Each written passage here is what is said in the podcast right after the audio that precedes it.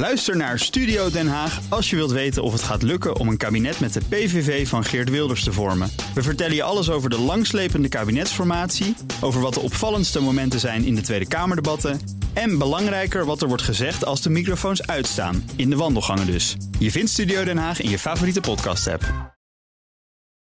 Je wilt het beste voor je organisatie en dat is soms best een uitdaging. Met AVAS stroomlijn je al je bedrijfsprocessen. Zoals facturatie, payroll, maar ook je inkoop. En dat allemaal in dezelfde applicatie. Zo weet je met één hoe je ervoor staat. En hou je meer tijd over voor echt belangrijke zaken. AVAS Software, speciaal voor jouw organisatie. BNR Nieuwsradio. BNR breekt. Ivan Verrips. Goedemorgen en welkom bij BNR Breekt. De perfecte onderbreking van jouw werkdag. Ontevredenheid alom. De zoveelste poging tot het maken van een routekaart is mislukt. Dat is vandaag ons breekijzer. Wat vind jij? Fijn dat er eindelijk weer perspectief is, soort of. Of is het vooral een route naar meer ellende? Reageer op ons breekijzer. De zoveelste poging tot het maken van een routekaart is mislukt. Bel me nu op 020 468 4 keer 0 Pak dus nu de telefoon, want we gaan er ook nu over praten. Verder bespreken we om half twaalf zometeen nog de vaccinatiestrategie van Ursula von der Leyen... die misschien nog wel iets manker is dan die van Hugo de Jonge. En het Russische Sputnik-vaccin. Wordt het tijd om dat massaal in te gaan slaan. Dat hoor je allemaal zometeen. Zoals elke dag een eh, jong, fris en tamelijk aerodynamisch panel. Vandaag in de studio met uh, Simon van Teuten, maker van de Keuzekast. Goedemorgen. Goedemorgen. En Hielke Onik, voorzitter van het CDA. Goedemorgen. Welkom. Goedemorgen. We gaan naar het breekijzer. Um, dat is dus vandaag de uh, ontevredenheid alom. De zoveelste poging tot het maken van een routekaart is mislukt. Bel nu om erop te reageren. 020 468 4 keer 0 020 468 4 keer 0 BNR breekt. Breekijzer. En daarvoor is ook bij ons Bas van der Putten. Die is hoogleraar gezondheidscommunicatie aan de UvA. Was vanochtend ook al even te horen hier op BNR. Goedemorgen, Bas. Goedemorgen, Ivan. Uh, gisteravond dus gepresenteerd, die nieuwe routekaart. Ik heb hem ook even bij me. Hij is uh, geprint. Je hebt een uh, publieksversie, die is, even kijken, 1, 2, 3 kantjes. En je hebt een bestuurdersversie, die is ook drie... Nee, die is vier kantjes. Um, en daar is best wel veel over te doen. hij geeft vier risicosniveaus met bijpassende maatregelen en versoepelingen. Nou, dan zou je kunnen denken, hè, hè, eindelijk perspectief. Maar er is dus ook kritiek, zoals er altijd kritiek is. Want voor horeca geldt eigenlijk in alle fases nog ja, strenge regels... en clubs en dergelijke, die mogen helemaal nooit meer open. En wij moesten eigenlijk gelijk even hier aan denken.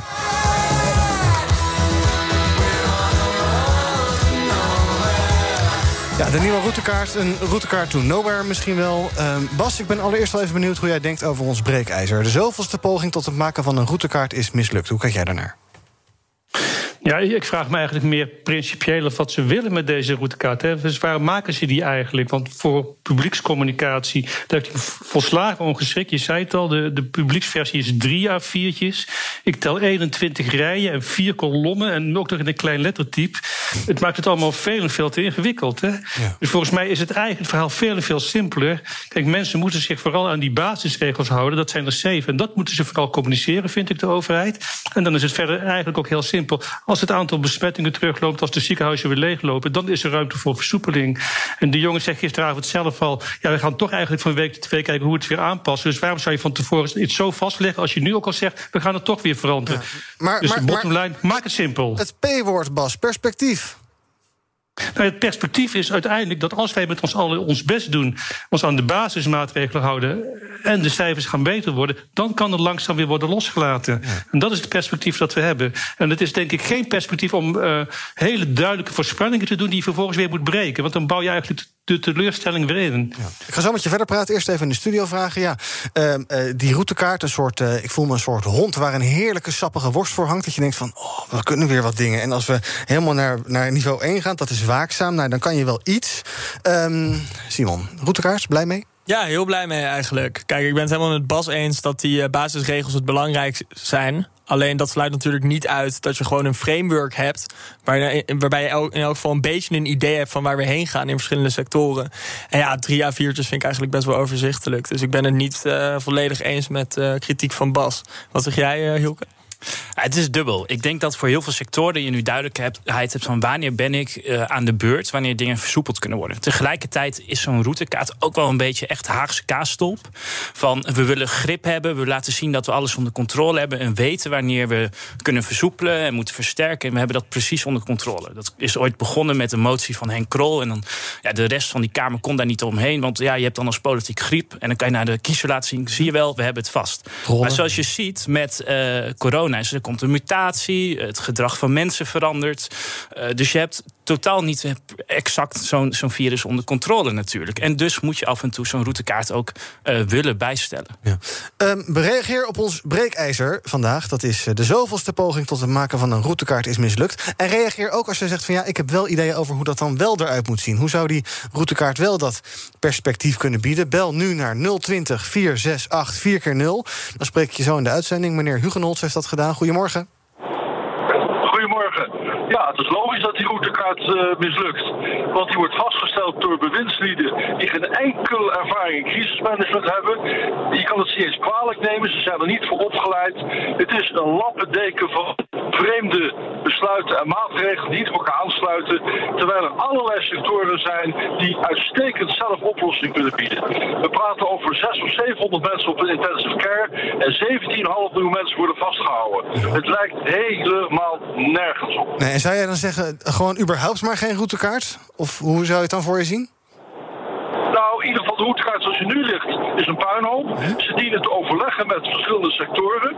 Want bijvoorbeeld de horeca, ik heb het gezien in Duitsland, dat daar hebben tijdenlang restaurants gedraaid met schotten tussen de tafels. Niet meer dan vier man aan tafel.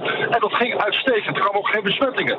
We zagen het met de avondklok in Frankrijk. Die werd ingesteld op zes uur s avonds. En daarna liep het aantal besmettingen op. Dus ga eens kijken naar de ervaring in andere landen. En hou op met polderen en denken dat we dat zelf kunnen. Want de mensen die bij ons aan het beleid zitten, die kunnen het gewoon niet. Ze zijn gewoon niet capabel. Dankjewel, meneer Hugenholz voor het bel. Ik ga jouw opmerkingen zo voorleggen aan Bas van der Putten. Eerst eventjes kort naar Rutte gisteravond. Dat de besmettingscijfers langzaam, maar zeker dalen. Dat ook het aantal mensen met corona in de ziekenhuizen... weliswaar langzaam, maar ook iets daalt. Maar dat alle doorrekeningen wijzen op een derde golf die onvermijdelijk op ons af lijkt te komen. Met als belangrijkste oorzaak de Britse variant van het coronavirus. Ja, Bas, hoe denk jij dat heel veel mensen gisteren naar die persconferentie hebben gekeken? Want eigenlijk is er best wel veel goed nieuws te zien. Ook als je kijkt naar die uh, besmettingscijfers. Inderdaad, de cijfers in de ziekenhuizen. Dat laat voorzichtig wat goed nieuws zien. Maar het is natuurlijk dat, dat, dat die Britse variant die is zo verraderlijk. Dat is de. Ja, uh, uh, dat is natuurlijk het bottleneck. Wat je niet echt heel goed ziet nog. Hoe heb jij, hoe heb jij gekeken naar die, naar die persconferentie? Nou, ik denk net als de meeste mensen, hè, met gemengde gevoelens. Dus enerzijds is het uiteraard fijn als er net weer eens meer mag. En zeker voor ouders met jonge kinderen is het natuurlijk wel fijn dat die kinderen ook weer naar, naar school mogen. Maar tegelijkertijd heb ik ook ouders horen zeggen: ja, maar is het dan wel veilig? En straks is er één kind ziek. En dan moet de hele klas in quarantaine. Dan zit ik vijf dagen met mijn alle kinderen thuis uh, opgesloten. En uh, ja, tenslotte wel thuis blijven. Ik hoor van, van de ouders op mijn werk: ja, mijn kind heeft eigenlijk altijd snot. Dus er is ook heel veel zorg van gaat het eigenlijk wel goed. Dus ja, enerzijds blij, maar anderzijds ja, ook wel, misschien is het toch wel te vroeg. Die gevoelens hoor je ook wel. Ja. En nog even de opmerking van meneer Hugenholz net. Die zei van ja, de sector die kan het allemaal prima zelf uh, uh, veilig heropenen. Ben je het daarmee eens of is er toch wel regie nodig? Uh, nou, beide. Als ik uh, als goede wetenschapper een en-en-antwoord uh, mag geven. dus, dus, mijn mening is van... Kijk, als iedereen zich aan die basisregel houdt... dan zijn er ook helemaal niet meer maatregelen nodig. En ook als je... On, ik ben het op zich mee eens dat je ondernemers de vrijheid moet geven... om een veilige manier van eigen onderneming voor te zetten. Hè, want dan leg je de verantwoordelijkheid ook neer... bij de mensen ook waar die thuis hoort. Hè, want nu zetten we een beetje maatregelen te vormen... in plaats van zelf verantwoordelijkheid te nemen. Maar als dat niet lukt, als dat niet goed gaat... en dat zie je in die cijfers terug... dan kan de overheid niet anders dan maatregelen opleggen. dus eigenlijk hebben we die maatregelen te danken aan het feit dat we niet in staat zijn geweest het zelf goed te doen. En dat geldt zowel voor de burgers als voor de ondernemers. Want het was allemaal perfect gegaan dan waren er minder besmettingen geweest, minder mensen in het ziekenhuis. En dan hadden we nu geen maatregelen nodig gehad. Ja, reageer op ons breekijzer door te bellen naar 020 468 4x0. Breekijzer is vandaag de zoveelste poging tot het maken van een routekaart is mislukt. Er zijn ook mensen die sturen wat berichtjes via uh, onder andere WhatsApp. Kees de Groot die zegt, die routekaart is nooit een oplossing geweest. Hij was er niet, toen klaagde heel Nederland. Geef ons een routekaart. Die, die kwam, maar dat werkte niet, omdat er te veel variabelen aan vooraf gaan. Uh, en geeft nu niet de minister de schuld, maar wij hebben het verkeerde gevraagd. Wij, de luisteraars, de oppositie en de pers, wij met z'n allen. Ja, uh, wij, wij vragen het verkeerde, Bas. Ja, dat, dat, zei eigenlijk al. Ik ben het er deels mee eens. Het is volgens mij niet mogelijk om een exact, exact perspectief te geven. Maar ik ga het dan mezelf herhalen. Het enige perspectief is: doen met ons allen ons best. Wij hebben het in eigen handen. En als dat lukt, dan kunnen langzaam de maatregelen worden afgesteld. Maar het is niet precies te zeggen welke maatregelen, welke week precies, de welke volgorde. Het is echt verstandig om dat van week tot week te bekijken, wat mogelijk is gezien de cijfers. Ja. Um, je luistert nog steeds naar BNR Breekt met ons breekijzer vandaag, waar je op kunt reageren door te bellen naar 020 468 4x0. de zoveelste poging tot het maken van een routekaart is mislukt. Ik praat daar ook over met Hielke Onnik, voorzitter van het CDA, en met Simon van Teutem, maker van de Keuzekast. Um, ja, um, ja dat, die routekaart die eindigt bij een uh, uh, scenario waakzaam. Dat is dan het laagste scenario. Daar zijn er nog steeds allerlei beperkingen. Zou dat niet moeten werken naar een moment waarop er helemaal geen beperkingen meer zijn? En zou er niet gewoon weer een scenario normaal in moeten staan?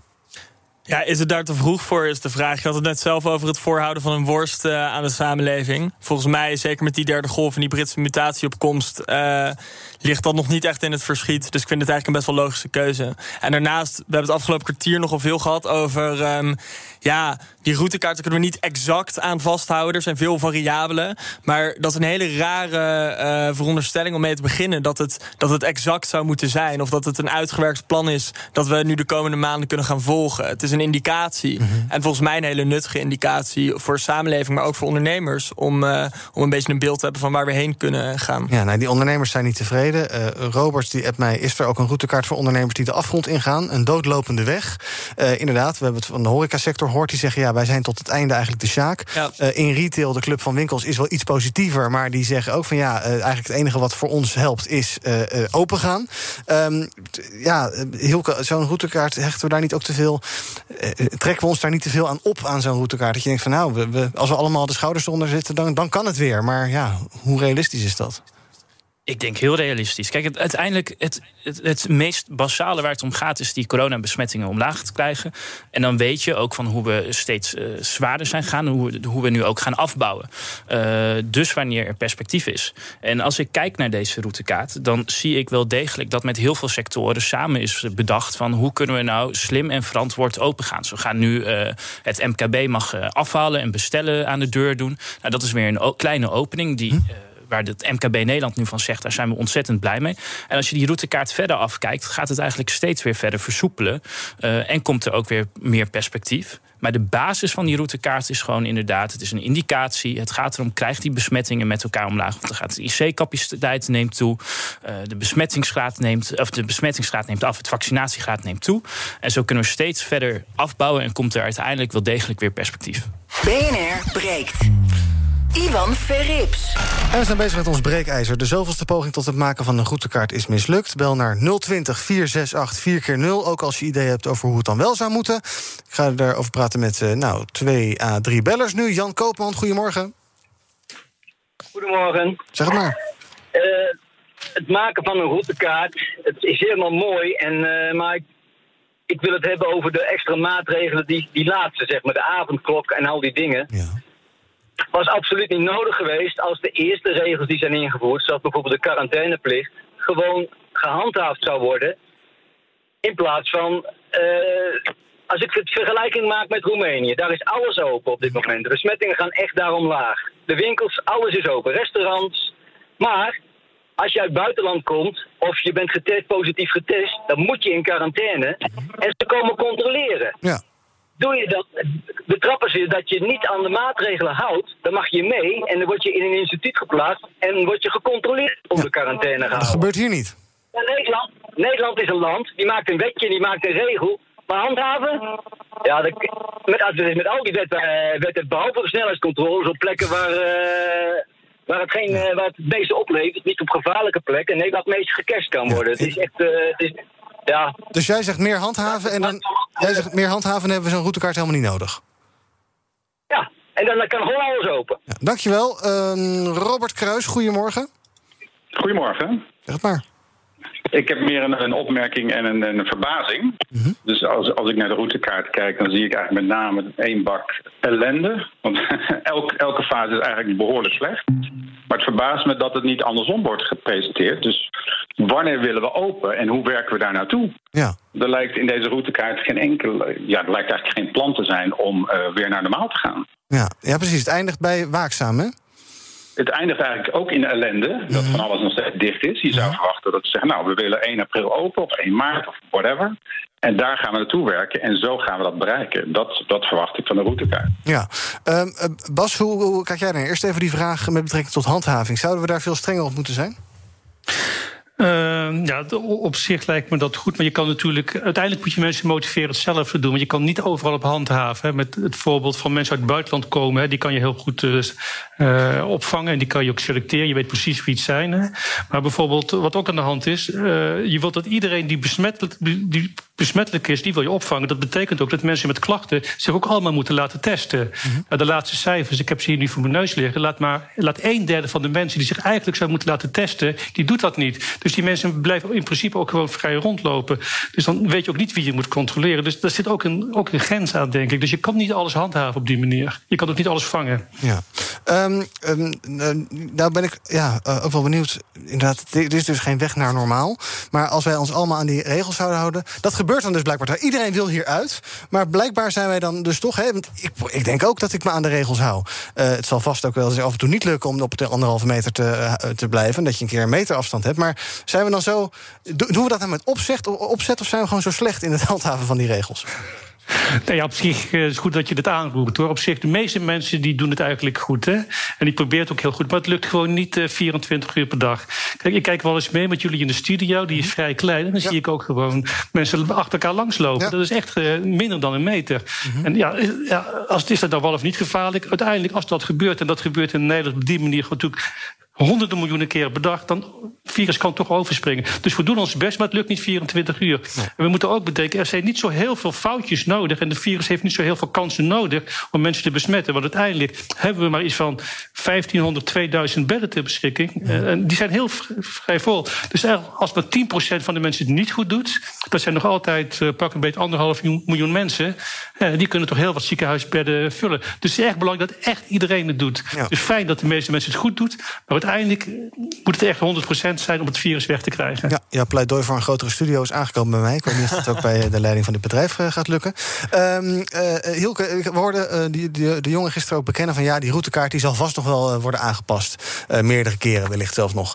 Um, wat heb je dan aan een routekaart als je hem steeds gaat aanpassen? Ik moest een beetje denken aan het stratenboek. Dat ga je natuurlijk ook aanpassen als... of de Google Maps, dat ga je ook aanpassen als de wegen veranderen. Maar je, je hebt niet als voornemen om continu maar van alles en nog wat te veranderen. Want dan is het een soort dode letter, toch?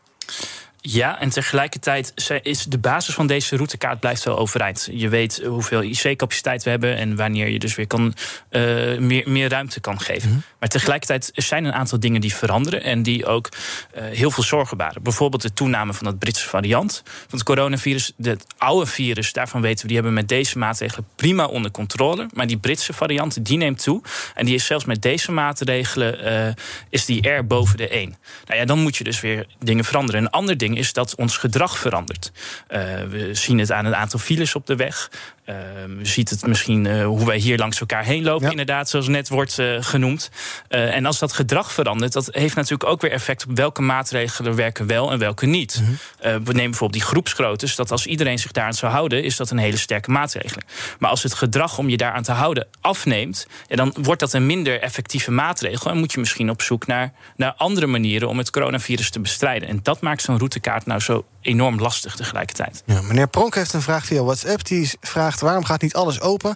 En geldt de lockdown alleen voor oudere en kwetsbare mensen, zodat alle overige mensen de economie kunnen laten draaien? Ik hoor daar nooit wat over. Stel deze vraag AUB. Ik zit vol onbegrip hierover. Nou, we gaan de vraag stellen. Het is een beetje een discussie die je de afgelopen nou, dagen, weken, misschien wel wat vaker ziet. Uh, ook een beetje ziet opkomen. Eerst door opiniemakers. En nu zie je hem ook in de media door allerlei intensivisten. Ja, een soort van dit, dit, dit, moeilijke onderwerp worden uh, aangesneden.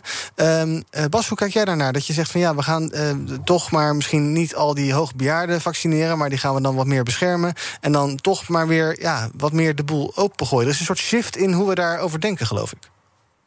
Ja, daar zit denk ik een, een, zeg een ethisch oordeel, kan ik daarover geven, maar ook een, een, er zit ook een stukje misverstand in. Het mhm. ethische oordeel is van, wil je in een samenleving wonen waarin je pak een beetje 3,5 miljoen mensen, en daar praat je geloof ik over, gewoon buitensluiten en die mogen nergens aan meedoen. Die sluit je eigenlijk op, zodat alle anderen gewoon wel al hun dingen kunnen doen. Dat vind ik eh, ethisch eigenlijk zelf niet verantwoord. Maar dat is natuurlijk een moreel oordeel. Ik vind iedereen moet kunnen meedoen. Maar verder is het ook een illusie gebleken dat je helemaal gescheiden kan blijven. Want het is niet zo dat als jij bijvoorbeeld 30 eh, bent, en je mag veel meer, dat je vervolgens ook geen enkel contact hebt met oudere mensen. Het is onvermijdelijk dat je ook contact hebt met, met je ouders, met je grootouders. Uiteindelijk komen die mensen toch met elkaar in contact. Dus via de besmetting die dan via de jongere mensen plaatsvindt, komt het uiteindelijk toch terecht bij die grote groep ouderen en mensen met een zwakkere weerstand. Dus het is eigenlijk geen oplossing. Nee.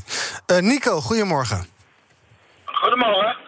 Uh, mijn mening is dat het uh, helemaal mislukt is. En er is ja eigenlijk niemand die kan zeggen dat het gelukt is. Mm Waarom niet? Waarom, waar, waarom hebben wij die, dat hele spel gisteravond zat je eigenlijk gewoon ja, met gemengde gevoelens te kijken. Net werd het gezegd. Uh, die mensen die daar staan te praten, die staan gewoon niet voor te lezen. Ze staan, ze staan ons te zeggen. Ze staan ons te zeggen, ja, we kunnen het niet en we zullen het niet. Die, die mensen ze hebben er ballen verstand van. En toch doen ze het eigenlijk laten blijken. Wij hebben het. Het OMT wordt genoemd. Ja. Daar worden termen in, in, op televisie gegooid. Ja, jongens. Wat, wat moet je daarmee? Doe dat nou eens Europees aanpakken. Europees. Inkopen. Persconferentie van Ursula von der Leyen, ja. Ja. Nou, maar, ja. Maar, ja, maar jij vindt dus, uh, jij zegt, de, wat, wat mis je dan? Vind je de, de communicatie te onhelder of vind je het beleid niet goed? Of beleid allebei? Niet goed. Beleid niet goed. Ja. Beleid niet goed. Ja. Maar, maar, maar, het wordt net zo laten blijken. Kijk, die mannen die, die, die, zijn ministers. Oké. Okay.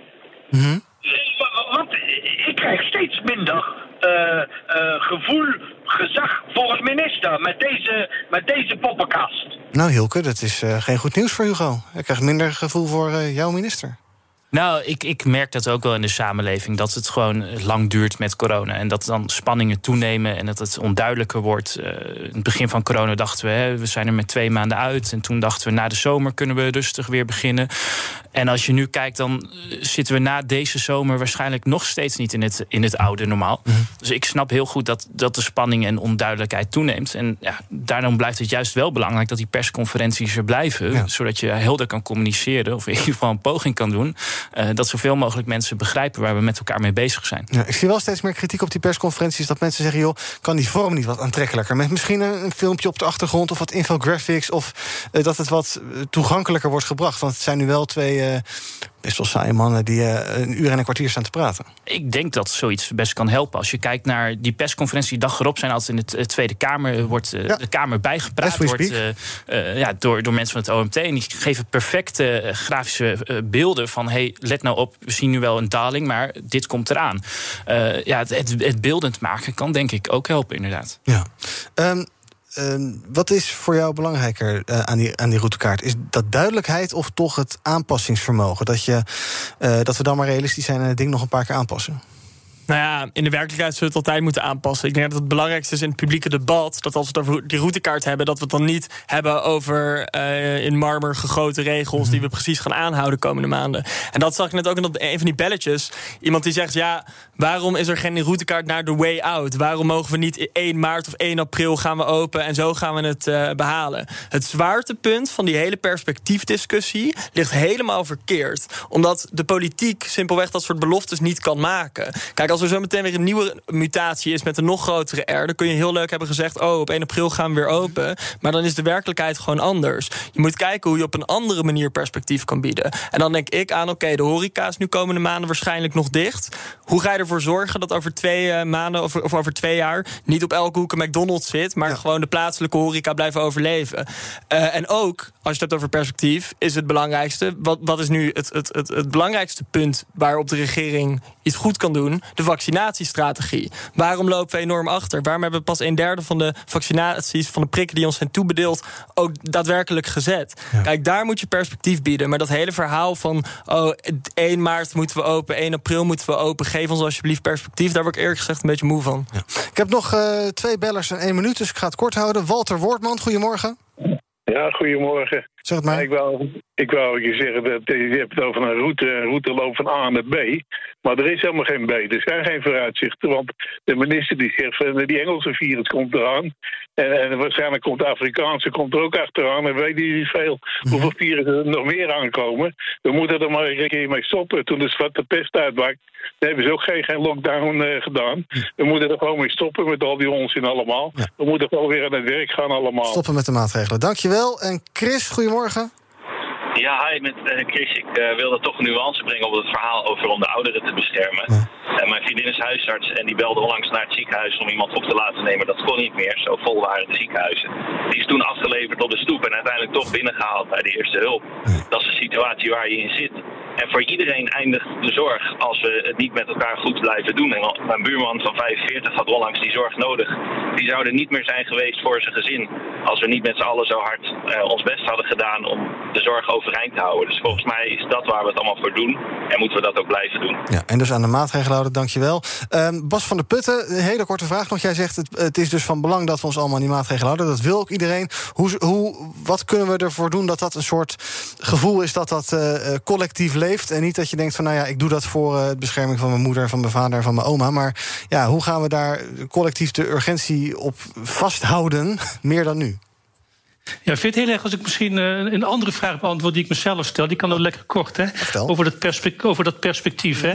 Ik denk ook een belangrijk perspectief. We zijn nu bezig met een vaccinatiestrategie. Eens, dat gaat met horten en stoten. Maar naarmate meer zwakkere mensen gevaccineerd zijn, zullen ook langzaam minder mensen in het ziekenhuis komen en minder mensen op de IC. Mm -hmm. Dus op een gegeven moment, dan is het eigenlijk ook niet meer nodig, die maatregelen, omdat iedereen die zeg maar zwak is en die in het ziekenhuis kan komen, er niet meer inkomt. En daar doen we het voor. Dus dat is eigenlijk het korte het perspectief van een paar maanden tijd. Op een gegeven moment lopen die ziekenhuizen leeg omdat iedereen gevaccineerd is.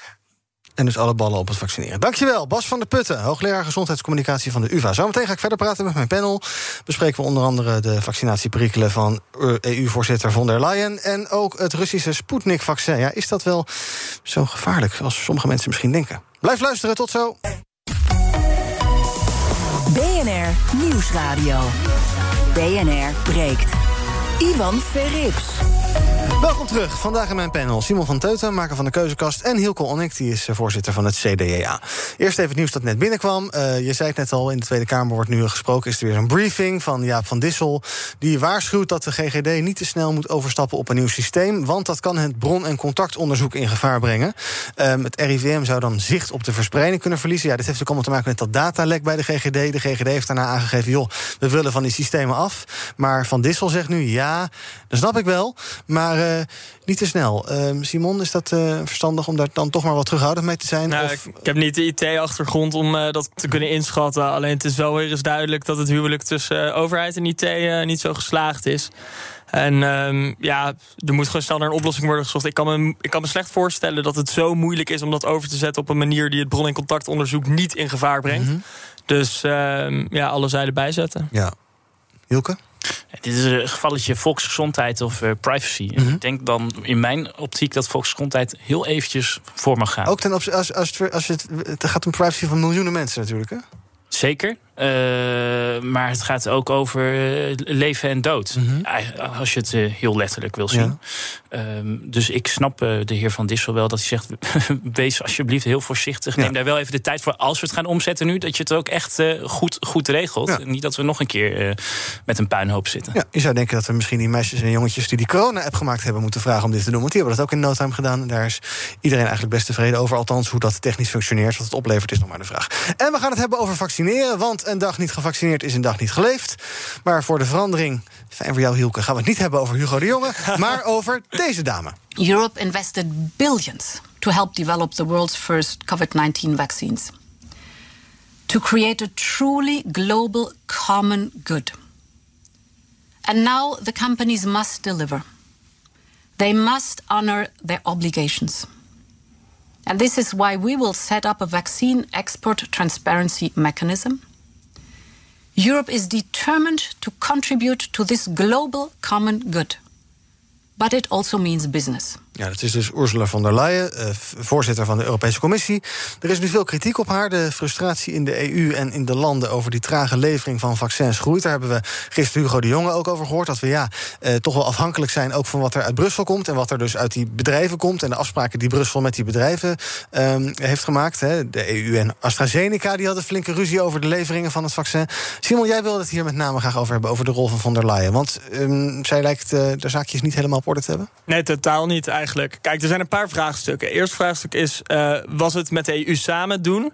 Uh, van de vaccins een goed idee. Ja. Dat vind ik van wel. Want als, anders krijg je kleine landen die rollenbond over straat gaan. Dat is gewoon niet goed voor het Europees project. En ook niet voor het binnenhalen van Nederlandse vaccins.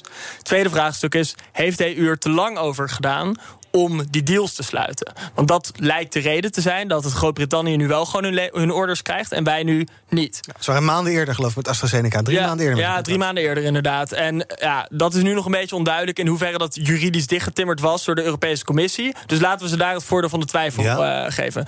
Het drama speelt zich niet af in de aanloop naar dit debakel, maar in de reactie daarop. Want wat deed Ursula von der Leyen toen, um, ja, toen dit duidelijk werd eigenlijk? Allereerst ontweek ze zelf verantwoordelijkheid. Terwijl in december was ze zichzelf nog op de borst aan het kloppen van this is Europe's moment en uh, let's go. Nu kwam uh, de minister van, of de commissaris van Gezondheid, die werd naar, ja, vo snel naar voren. Ja, die ja. kennen we natuurlijk nog van zondag met Lubach. Ook geen prettige ja. volksvertegenwoordiger.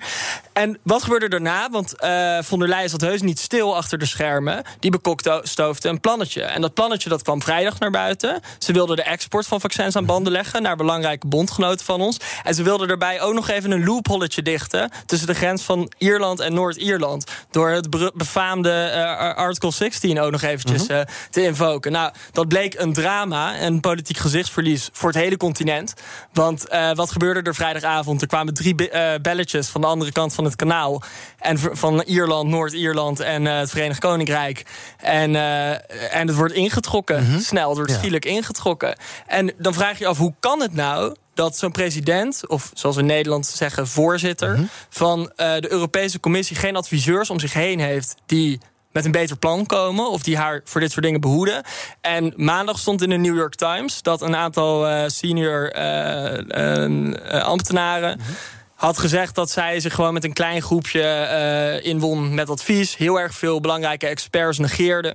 En dan vraag je je nu af, waar is Ursula von der Leyen? Want ze, ze, ze is zich nog steeds aan het verschuilen ja. achter haar ministers. Maar ze heeft, zich, ze heeft ook voor uh, AstraZeneca zei... sorry, we gaan even 60% minder leveren ja. aanvankelijk.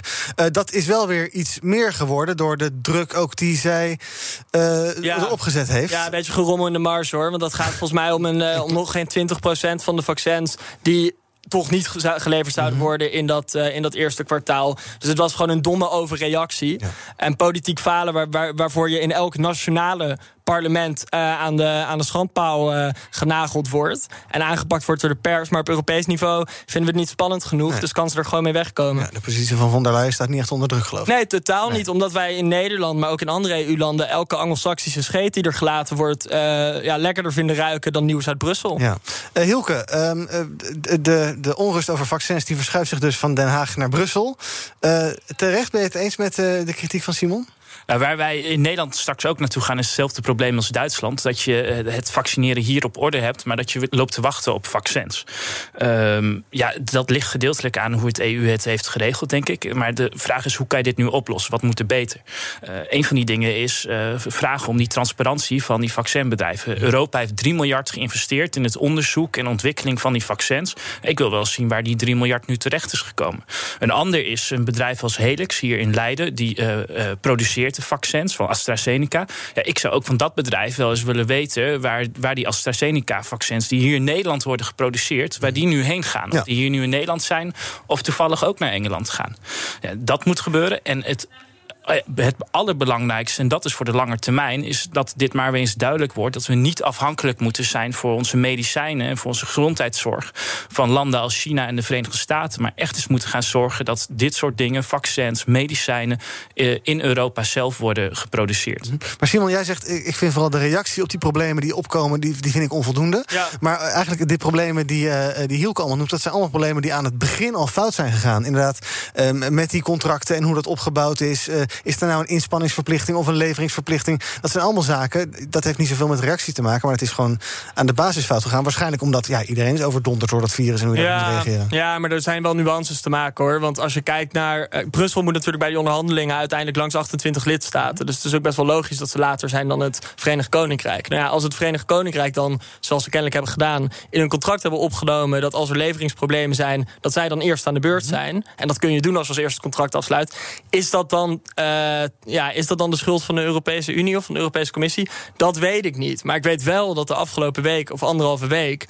ja, hebben we gewoon uh, globaal voor lul gestaan eigenlijk... door het optreden van von der Leyen. En het feit dat zij nu niet naar voren treedt... het is echt echt schandalig. En dat is niet alleen aan te rekenen aan de Europese Commissie... maar ook aan nationale media die hier toch een neus voor ophalen. Ja. Is het denk je fijn, uh, Hilke, dat Hugo de Jonge zich misschien een beetje achter von der Leyen en mevrouw Kyriakidis... en wat er in Brussel speelt zich kan uh, uh, verschuilen? Of zie je niet dat hij dat doet? Want hij, nee. is, hij is wel afhankelijk van wat daar gebeurt. Nee, dat is niet fijn. Dit, dit zijn puur politieke spelletjes. En je wil als minister van Volksgezondheid uiteindelijk dat we uit deze crisis komen. Dus dat is helemaal niet prettig als je uh, achter een ander kan uh, verschuilen. En beter nog, we zien dat dat ook niet werkt. We zien in uh, Duitsland de minister van Volksgezondheid Jens Spaan onder enorme kritiek nu staan. Terwijl die eerst nog werd gezien als de coming man, als de toekomstige bondskanselier. Ja. Nou, die is die kans ondertussen wel kwijt. Omdat die kritiek vanuit Europa uiteindelijk ook naar de lidstaten verschuift. Ja. We gaan het ook even hebben over een ander vaccin. We hebben het heel vaak over hè, AstraZeneca en Janssen en Pfizer. En dat zijn allemaal de bekende namen. Er wordt inmiddels ook wel wat meer bekend over vaccins waarbij we van nature zouden denken: ja, willen we dat wel? Hè? Sinovac uit China of het Sputnik-vaccin uit Rusland. Vanochtend spraken we Dirk Marseille, onze Duitsland-correspondent, over het vaccineren in Duitsland. Het gaat nog net iets beter dan, dan, dan in Nederland. Uh, maar ja, of dat dan uh, dat zo, zo goed is als je inderdaad weet dat bijvoorbeeld landen als Bulgarije het allemaal veel beter, beter doen. En concreet werd bijvoorbeeld Servië uh, nog als voorbeeld aangegeven aangehaald door de interviewers. Zeiden van ja, Servië loopt zo ver voor, met alle respect. Waarom he, loopt Duitsland daarachter? Ja. Maar toen gaf Merkel ook aan van ja, daar wordt met, met Chinese uh, vaccins en ook uh, deels Russische vaccins gewerkt. En die zijn niet toegelaten. Uh, maar ik heb vandaag wel, en dat probeerden ze toch nog een beetje te middelen met de Russische president Poetin erover gebeld. En we staan in principe ook open voor Chinese en Russische vaccins. Maar, zo herhaalden ze dan, ze moeten wel via Brussel. Ja, Sputnik bijvoorbeeld, uit Rusland dus. Daarvan denken heel veel mensen, Russische vaccins, dat zal wel troep zijn. Nou, het is inmiddels uh, in de Lancet uh, verschenen. 91% bescherming, zeg maar even informeel. Uh, peer-reviewed, dus dat zou allemaal in orde moeten zijn. Russische vaccins, inkopen maar? Het is toch prachtig, dat vaccin. Alleen de naam als Sputnik. Zeker. Sputnik. Ver, ja, vernoemd naar de oude raketten. Dus het is puur een prestigeproject. Ja, van, heel van, geopolitiek eigenlijk. Van de Russen. Dus ja, ik ben dan al argwanend. Maar goed, als het EMA het kan controleren mm -hmm. of het veilig is en of het werkt... Uh, ja, gooi die procedure in, zou ik zeggen, Rusland. Dan kan je nog een uh, centje extra verdienen en nog meer prestige pakken. Ja. En dan zijn wij eerder uh, uit deze ellende. Dus kom maar op. Ja, Simon, als, jij een, als we eerder kunnen zijn met het Sputnik-vaccin, zeg jij kom maar door. En ja, de EMA sure. het goed? Kijk, EMA is er gewoon rustig mee bezig komende weken. De eerste resultaten zijn heel veel, veelbelovend. Het feit dat ze de procedures volgens mij daar, of, of, of, dat vaccin er in eerste instantie echt doorheen hebben geramd. Mm -hmm. Ja, dat doet dan uiteindelijk niet, niet af van de effectiviteit nee. van misschien. En ja, dan kun je je zeggen van oké, we gaan het niet nemen, want het is Russisch. Maar volgens mij staan er grotere belangen op het spel nu. Ja, hetzelfde voor Chinese vaccins, als die goedgekeurd worden. Daar is natuurlijk wel iets anders aan de hand. Hè? Dat, ja, China, daar zijn we, to, we, zijn we zijn sowieso best afhankelijk voor medicijnen over China. Um, de, is dat dan... Ja, die afhankelijkheid die ga je niet vandaag nee. tot, tot, morgen oplossen. En ik vond het punt dat Hielke net maakte eigenlijk buitengewoon terecht. We moeten op de lange termijn kijken of we op het continent medicijnen kunnen maken... zodat we niet afhankelijk zijn van die andere, andere krachten. Um, dus ja, ook bij China geldt, als het een goed vaccin is versus de EMA... en die checkt het volgens mij heel gedegen dan uh, waarom niet? Ja. Hilke, nog één ideetje voor Hugo de Jonge misschien... wat je kan meenemen, want ik denk, jij, jij hebt in ieder geval kortere lijntjes dan ik heb. Uh, als hij nou slim is, zou hij dit dan niet nu even zelf een paar belletjes naar Moskou... en dat hij het, net als wat de Britten... Ja, de Britten zijn natuurlijk niet meer bij de EU... maar dat hij het even probeert te regelen buiten von der Leyen om... en dan uh, gaan we het in Nederland wel even regelen met Sputnik. Nee, dit moet echt via Europa. Ja, wat Gist, gisteren waarschuwde de, de, de WHO, de Wereldgezondheidsorganisatie... ervoor dat je echt moet oppassen met nationalisme op dit vlak. Mm -hmm. Want wat je dan juist gaat zien is dat het ene rijke land is straks beschermd... En ergens anders op de wereld uh, waait het coronavirus nog rond. Dat kan muteren. Dat komt, uh, misschien, en dat wordt misschien wel weer zodanig sterk dat je oude vaccin niet werkt. En dan blijven we bezig. Dus je moet dit met landen samen oppakken en zorgen dat samen we uiteindelijk gevaccineerd zijn. Want anders blijf je bezig met telkens nieuwe mutaties. Ja, en dat andere landen zoals eh, de, de, de Israëls van deze wereld en zo, die dan misschien niet in dat soort EU-verbanden zitten, dat die dat dan op hun eentje allemaal sneller gaan doen, dat is dan ja, eigenlijk jammer voor ons. jammer dat we in de EU zitten wat dat betreft. Nee, ik denk dat dat niet jammer is. Maar we zijn nu heel laat en we hangen onderaan het, aan, aan het lijstje. En... Kijk, als wij dit niet met Europa samen hadden gedaan... dan had, hadden Oost-Europese landen uh, achteraan in de rij gestaan. Mm -hmm. uh, dan, dat zou wat mij betreft niet solidair zijn geweest... als de kwetsbaarste mensen uh, als laatste mogelijkheid hadden tot een vaccin. Ik denk dat dit echt in dat opzicht wel de klasse is van Europa. Dat je hier je waarden en normen laat zien door dit samen te doen. En daar mag je dan ook gewoon voor staan. Je luistert nog steeds naar BNR Breekt. Uh, vandaag uh, met de panel Hielke Onning, voorzitter van het CDA... en Simon van Teutem, die is maker van de Keuzekast. En zometeen, over 15 minuten, is hier Thomas van Zel van BNR Zaken doen. Ik zie hem op een scherm linksboven in mijn hoek. Zwaai even. Ja, de camera hangt voor je. Ja, daar ben je. Thomas, wat ga je doen vanaf 12 uur? Ik ga praten met de hoofdofficier van Justitie, Michiel Zwinkels. Hij is landelijk verantwoordelijk voor het aanpakken van cybercrime. En dat gebeurt op dit moment op grote schaal. Dat is verder niets nieuws, maar dat thuiswerken heeft het misschien wel een extra impuls gegeven. Want iedereen zit voortdurend achter schermen. De beveiliging is toch net wat anders georganiseerd dan wanneer je op kantoor werkt. En er zijn er onuitroeibare fenomenen zoals CEO-fraude. Nog altijd moeilijk om daar een passend antwoord op te vinden. En in de kantlijn van het gesprek gaan we het natuurlijk ook hebben over grote schikkingen die het OM zo af en toe trekt met bedrijven die. Um, over de schreef zijn gegaan. Kan dat anders? Moet dat anders? Moet het anders worden gecontroleerd? Dus daar gaat het over. Het uh, boardroom, of niet het boardroompanel is het gast, het lobbypanel is het gast. En dat heeft het druk gehad, want onder andere Jan Meerman zit erin van In Retail. Die strijdt al heel lang voor het uh, verruimen van mogelijkheden voor winkels. Nu is er dus bepaald, je mag afhalen, maar schieten die winkels daar wel voldoende mee op? Als je een, een nieuwe auto wil kopen of een nieuwe bank. Een trouwjurk zag ik ook al. Een trouwjurk, ja. precies. Nou, die trouwjurk die ga ik er ook even ingooien, zo meteen in het uh, lobbypanel. En um, we hebben ook te maken met de oprichter van Visie. Het is een bedrijf dat ervoor zorgt dat uh, ramen energiebesparend kunnen zijn en data genereren. Want als je zorgt dat bijvoorbeeld de Luxeflex al dicht is voordat de zon gaat schijnen... Nou, dan kan het een hoop energie besparen die je anders weer ergens kwijt moet. Ze hebben geld opgehaald en zijn van plan de wereld te veroveren en te veranderen. Wat dus goed. meer daarover in BNR Zaken doen. Volle bak, zometeen op BNR. Vanaf 12 uur Zaken doen met Thomas van Zel. En dan doen wij even een rondje trending op de social media. Kijken wat daar nu speelt. Onder andere The Great Reset. Dat is een soort uh, ja, complottheorie... dat de elite met opzet een pandemie heeft verspreid. Dat is natuurlijk gewoon waar, is geen complottheorie. Ook uh, Build Back Better, de campagneslogan van Biden... die wordt ook ja, daar een beetje mee geassocieerd. Henk Krol die voegt daar een debat over aan. En hij krijgt steun van Thierry Baudet. En verder van niemand. Natuurlijk, de persconferentie van gisteravond die is uh, trending. En ook op Twitter, maar niet trending, althans nog niet trending. Uh, Kees Verhoeven die spraken we vanochtend van D66, sprak weer op BNR. Maar die neemt zijn woorden terug over de avondklok. D66 zou die sowieso willen verlengen, dat zei Verhoeven vanochtend... maar dat is dus toch niet waar. Ze willen nu toch het OMT afwachten. Hmm, bijzonder. Onderwijs is uh, trending. 40% van de leerlingen dreigt te zakken, schrijft het FD. Nou ja, tot 40% van de leerlingen op sommige scholen. En uh, Kuipers, Ernst Kuipers, ja, over onderwijs gesproken. Die gaf ons gisteren een cursusje rekenen. En daarom hebben jullie ook een papiertje gekregen en eh, pennen.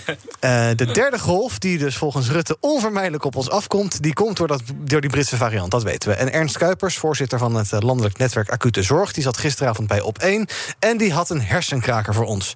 Nou, ben een papier in, de, in de gereed? Ja, let's go. Oké, we gaan rekenen. Een sommetje voor kinderen van groep 8. We hebben duizend mensen die met variant 1 geïnfecteerd zijn... en duizend mensen met variant 2. En iedere week, is iets sneller dan een week... maar iedere week eh, gaat van die duizend mensen met de eerste... gaat keer 0,9. Dus een Mm. week later is het 900. Dus zo, zo kunnen ze het sommetje verder maken. En de andere variant gaat iedere week keer 1,3. Nou, hoeveel weken duurt het dan voordat je van twee keer 1000 op bijvoorbeeld 5000 zit? Zegt u het maar. Dus bij de tweede variant van 1000 naar 5000 is de vraag. Nee, opgeteld. De ene groep begint op 1000 en is keer 0,9 per week... en de andere groep begint op 1000 en is keer 1,3 per week. Weet je of zes? Zeven? Ja, klopt nog ook. Inderdaad. Ja? ja, ik heb Excel erbij gebruikt, hoor, dus maak je geen zorgen. Ehm, week 7 inderdaad, dan zitten we op 5358 besmettingen. Ah, kijk, zie je? Nou, weten we dat ook weer. Ehm, is dit een eh, som voor basisschoolleerlingen? Als die überhaupt nog een examen ooit gaan maken, maar... eh, eh, ja. Ik denk dat dan wel 40% zakt. Hè? Als dit het sommetje denk ik ook wel, ja. Dan kloppen die cijfers toch wel weer. Ehm, ja, tot 40% zakken inderdaad. Dit was even een flauw rekensommetje... omdat het een beetje tot verwarring leidde gisteravond bij op één ook... van ja, wat moeten we eigenlijk met die cijfers? Maar dat die Britse variant een probleem wordt, dat weten we inmiddels wel. Die leerachterstanden, daar hebben we het eh, net eventjes over gehad... in, eh, in het eh, blokje met tr- trending op de social media. Ehm, ja, sommige scholen verwachten dus 30 tot 40 procent van de leerlingen... dat die hun eindexamen niet gaan halen. Tot 40 procent, dat is echt enorm veel. Twee jaar geleden was het landelijk gemiddelde 2019 8 procent gezakt. Nu dus tot 40 procent. Ehm, is dat niet meteen een reden om nu die middelbare scholen maar open te gooien... om ervoor te zorgen dat nou, die 40 procent misschien nog wat omlaag gaat? Nou, ik denk dat eh, scholen dicht wel een van de meest kostbare maatregelen eh, zijn die we, die we afgelopen maanden hebben gebruikt. Ehm, en ik denk dat de schade niet alleen qua wat, hoe, in hoeverre mensen gaan zakken, maar ook gewoon qua kansenongelijkheid echt, echt enorm is. Dus ja, dit eh, is wel nog een extra puzzelstukje. Al denk ik wel dat. Ja, dat 40% in een headline zetten, dat is wel echt een clickbait van je welste. Ik, ik geloof absoluut niet dat eh zometeen meer dan 25% van de eindexamenleerlingen zakt. Ja, mijn zusje zit in HAVO 5, dus die mag dit jaar eindexamen doen op de middelbare school. Gaat stalen, denk je? denk het wel, ja, stopper, dat sowieso. Maar, ehm nee, maar juist die eindexamenklasse Mout. Eh, Go maar- Mout. eh, maar die eindexamenklassen, die mochten juist naar school blijven gaan. Dus daar is toen al een uitzondering voor gemaakt. Ja, en die blijven ook straks naar school gaan. Ehm, dus het probleem zit niet per se bij, bij die groep. Dus ik ben wel heel benieuwd hoe ze op die 40% komen. Dat is één. Twee is, je, ik denk wel dat we ondertussen moeten gaan kijken... moet je niet op een andere manier eh, de eindexamens dit jaar gaan doen dan? Eh, net zoals we dat vorig jaar meer hebben vertrouwd op de schoolexamens... in plaats van die grote centrale examens. Eh, kijk daar dus ook nog eens na. En eh, ja, ik moet nog e- maar zien hoor, 40% Het is ook wel vooral een, eh, een hele grote waarschuwing. Ja. En hoe, hoe, hoe zie je dat anders, anders voor je... dat we de eindexamens anders moeten gaan doen met de proctoring? Eh, nee, nee, kijk, je hebt een gedeelte schoolexamen, dat doet de school zelf. En je hebt een groot gedeelte, dat doet CITO, en dat is allemaal centraal en hetzelfde.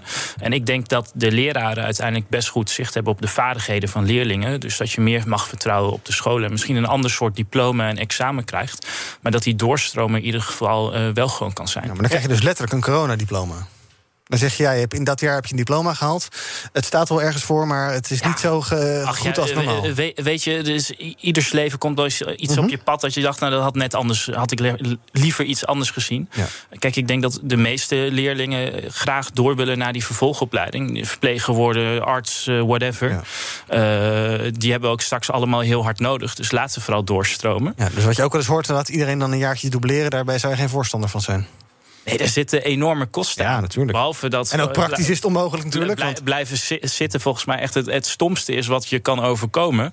Eh, ja, is het ook enorm schadelijk voor de, voor de economie als, als een heel, heel jaar blijft zitten. Ja, Simon, de basisscholen die gaan weer open. Nou, hoera, denk ik. Iedereen blij mee. Eh, jij zei al, er- er- je creëert een enorme kansenongelijkheid. Want inderdaad, er zitten nu mensen dus eh, thuis... die, eh, sommigen kunnen dat vast heel goed, het thuisonderwijs. Anderen kunnen dat heel slecht door omstandigheden... of door slechte apparatuur, of door ouders die niet meewerken... of, door, eh, dat soort zaken. Hoe, gaan we, hoe gaan we dat eh, oplossen? Want ook als je de scholen nu zou openen... nou ja, dan krijg je daar natuurlijk enorme... dat, dat, dat levert nu al enorme verschillen op in kinderen en, en ontwikkeling, jongeren. Ja. Ja, ik denk dat je opnieuw een tweedeling moet maken tussen oplossingen die je op dit moment kan bieden.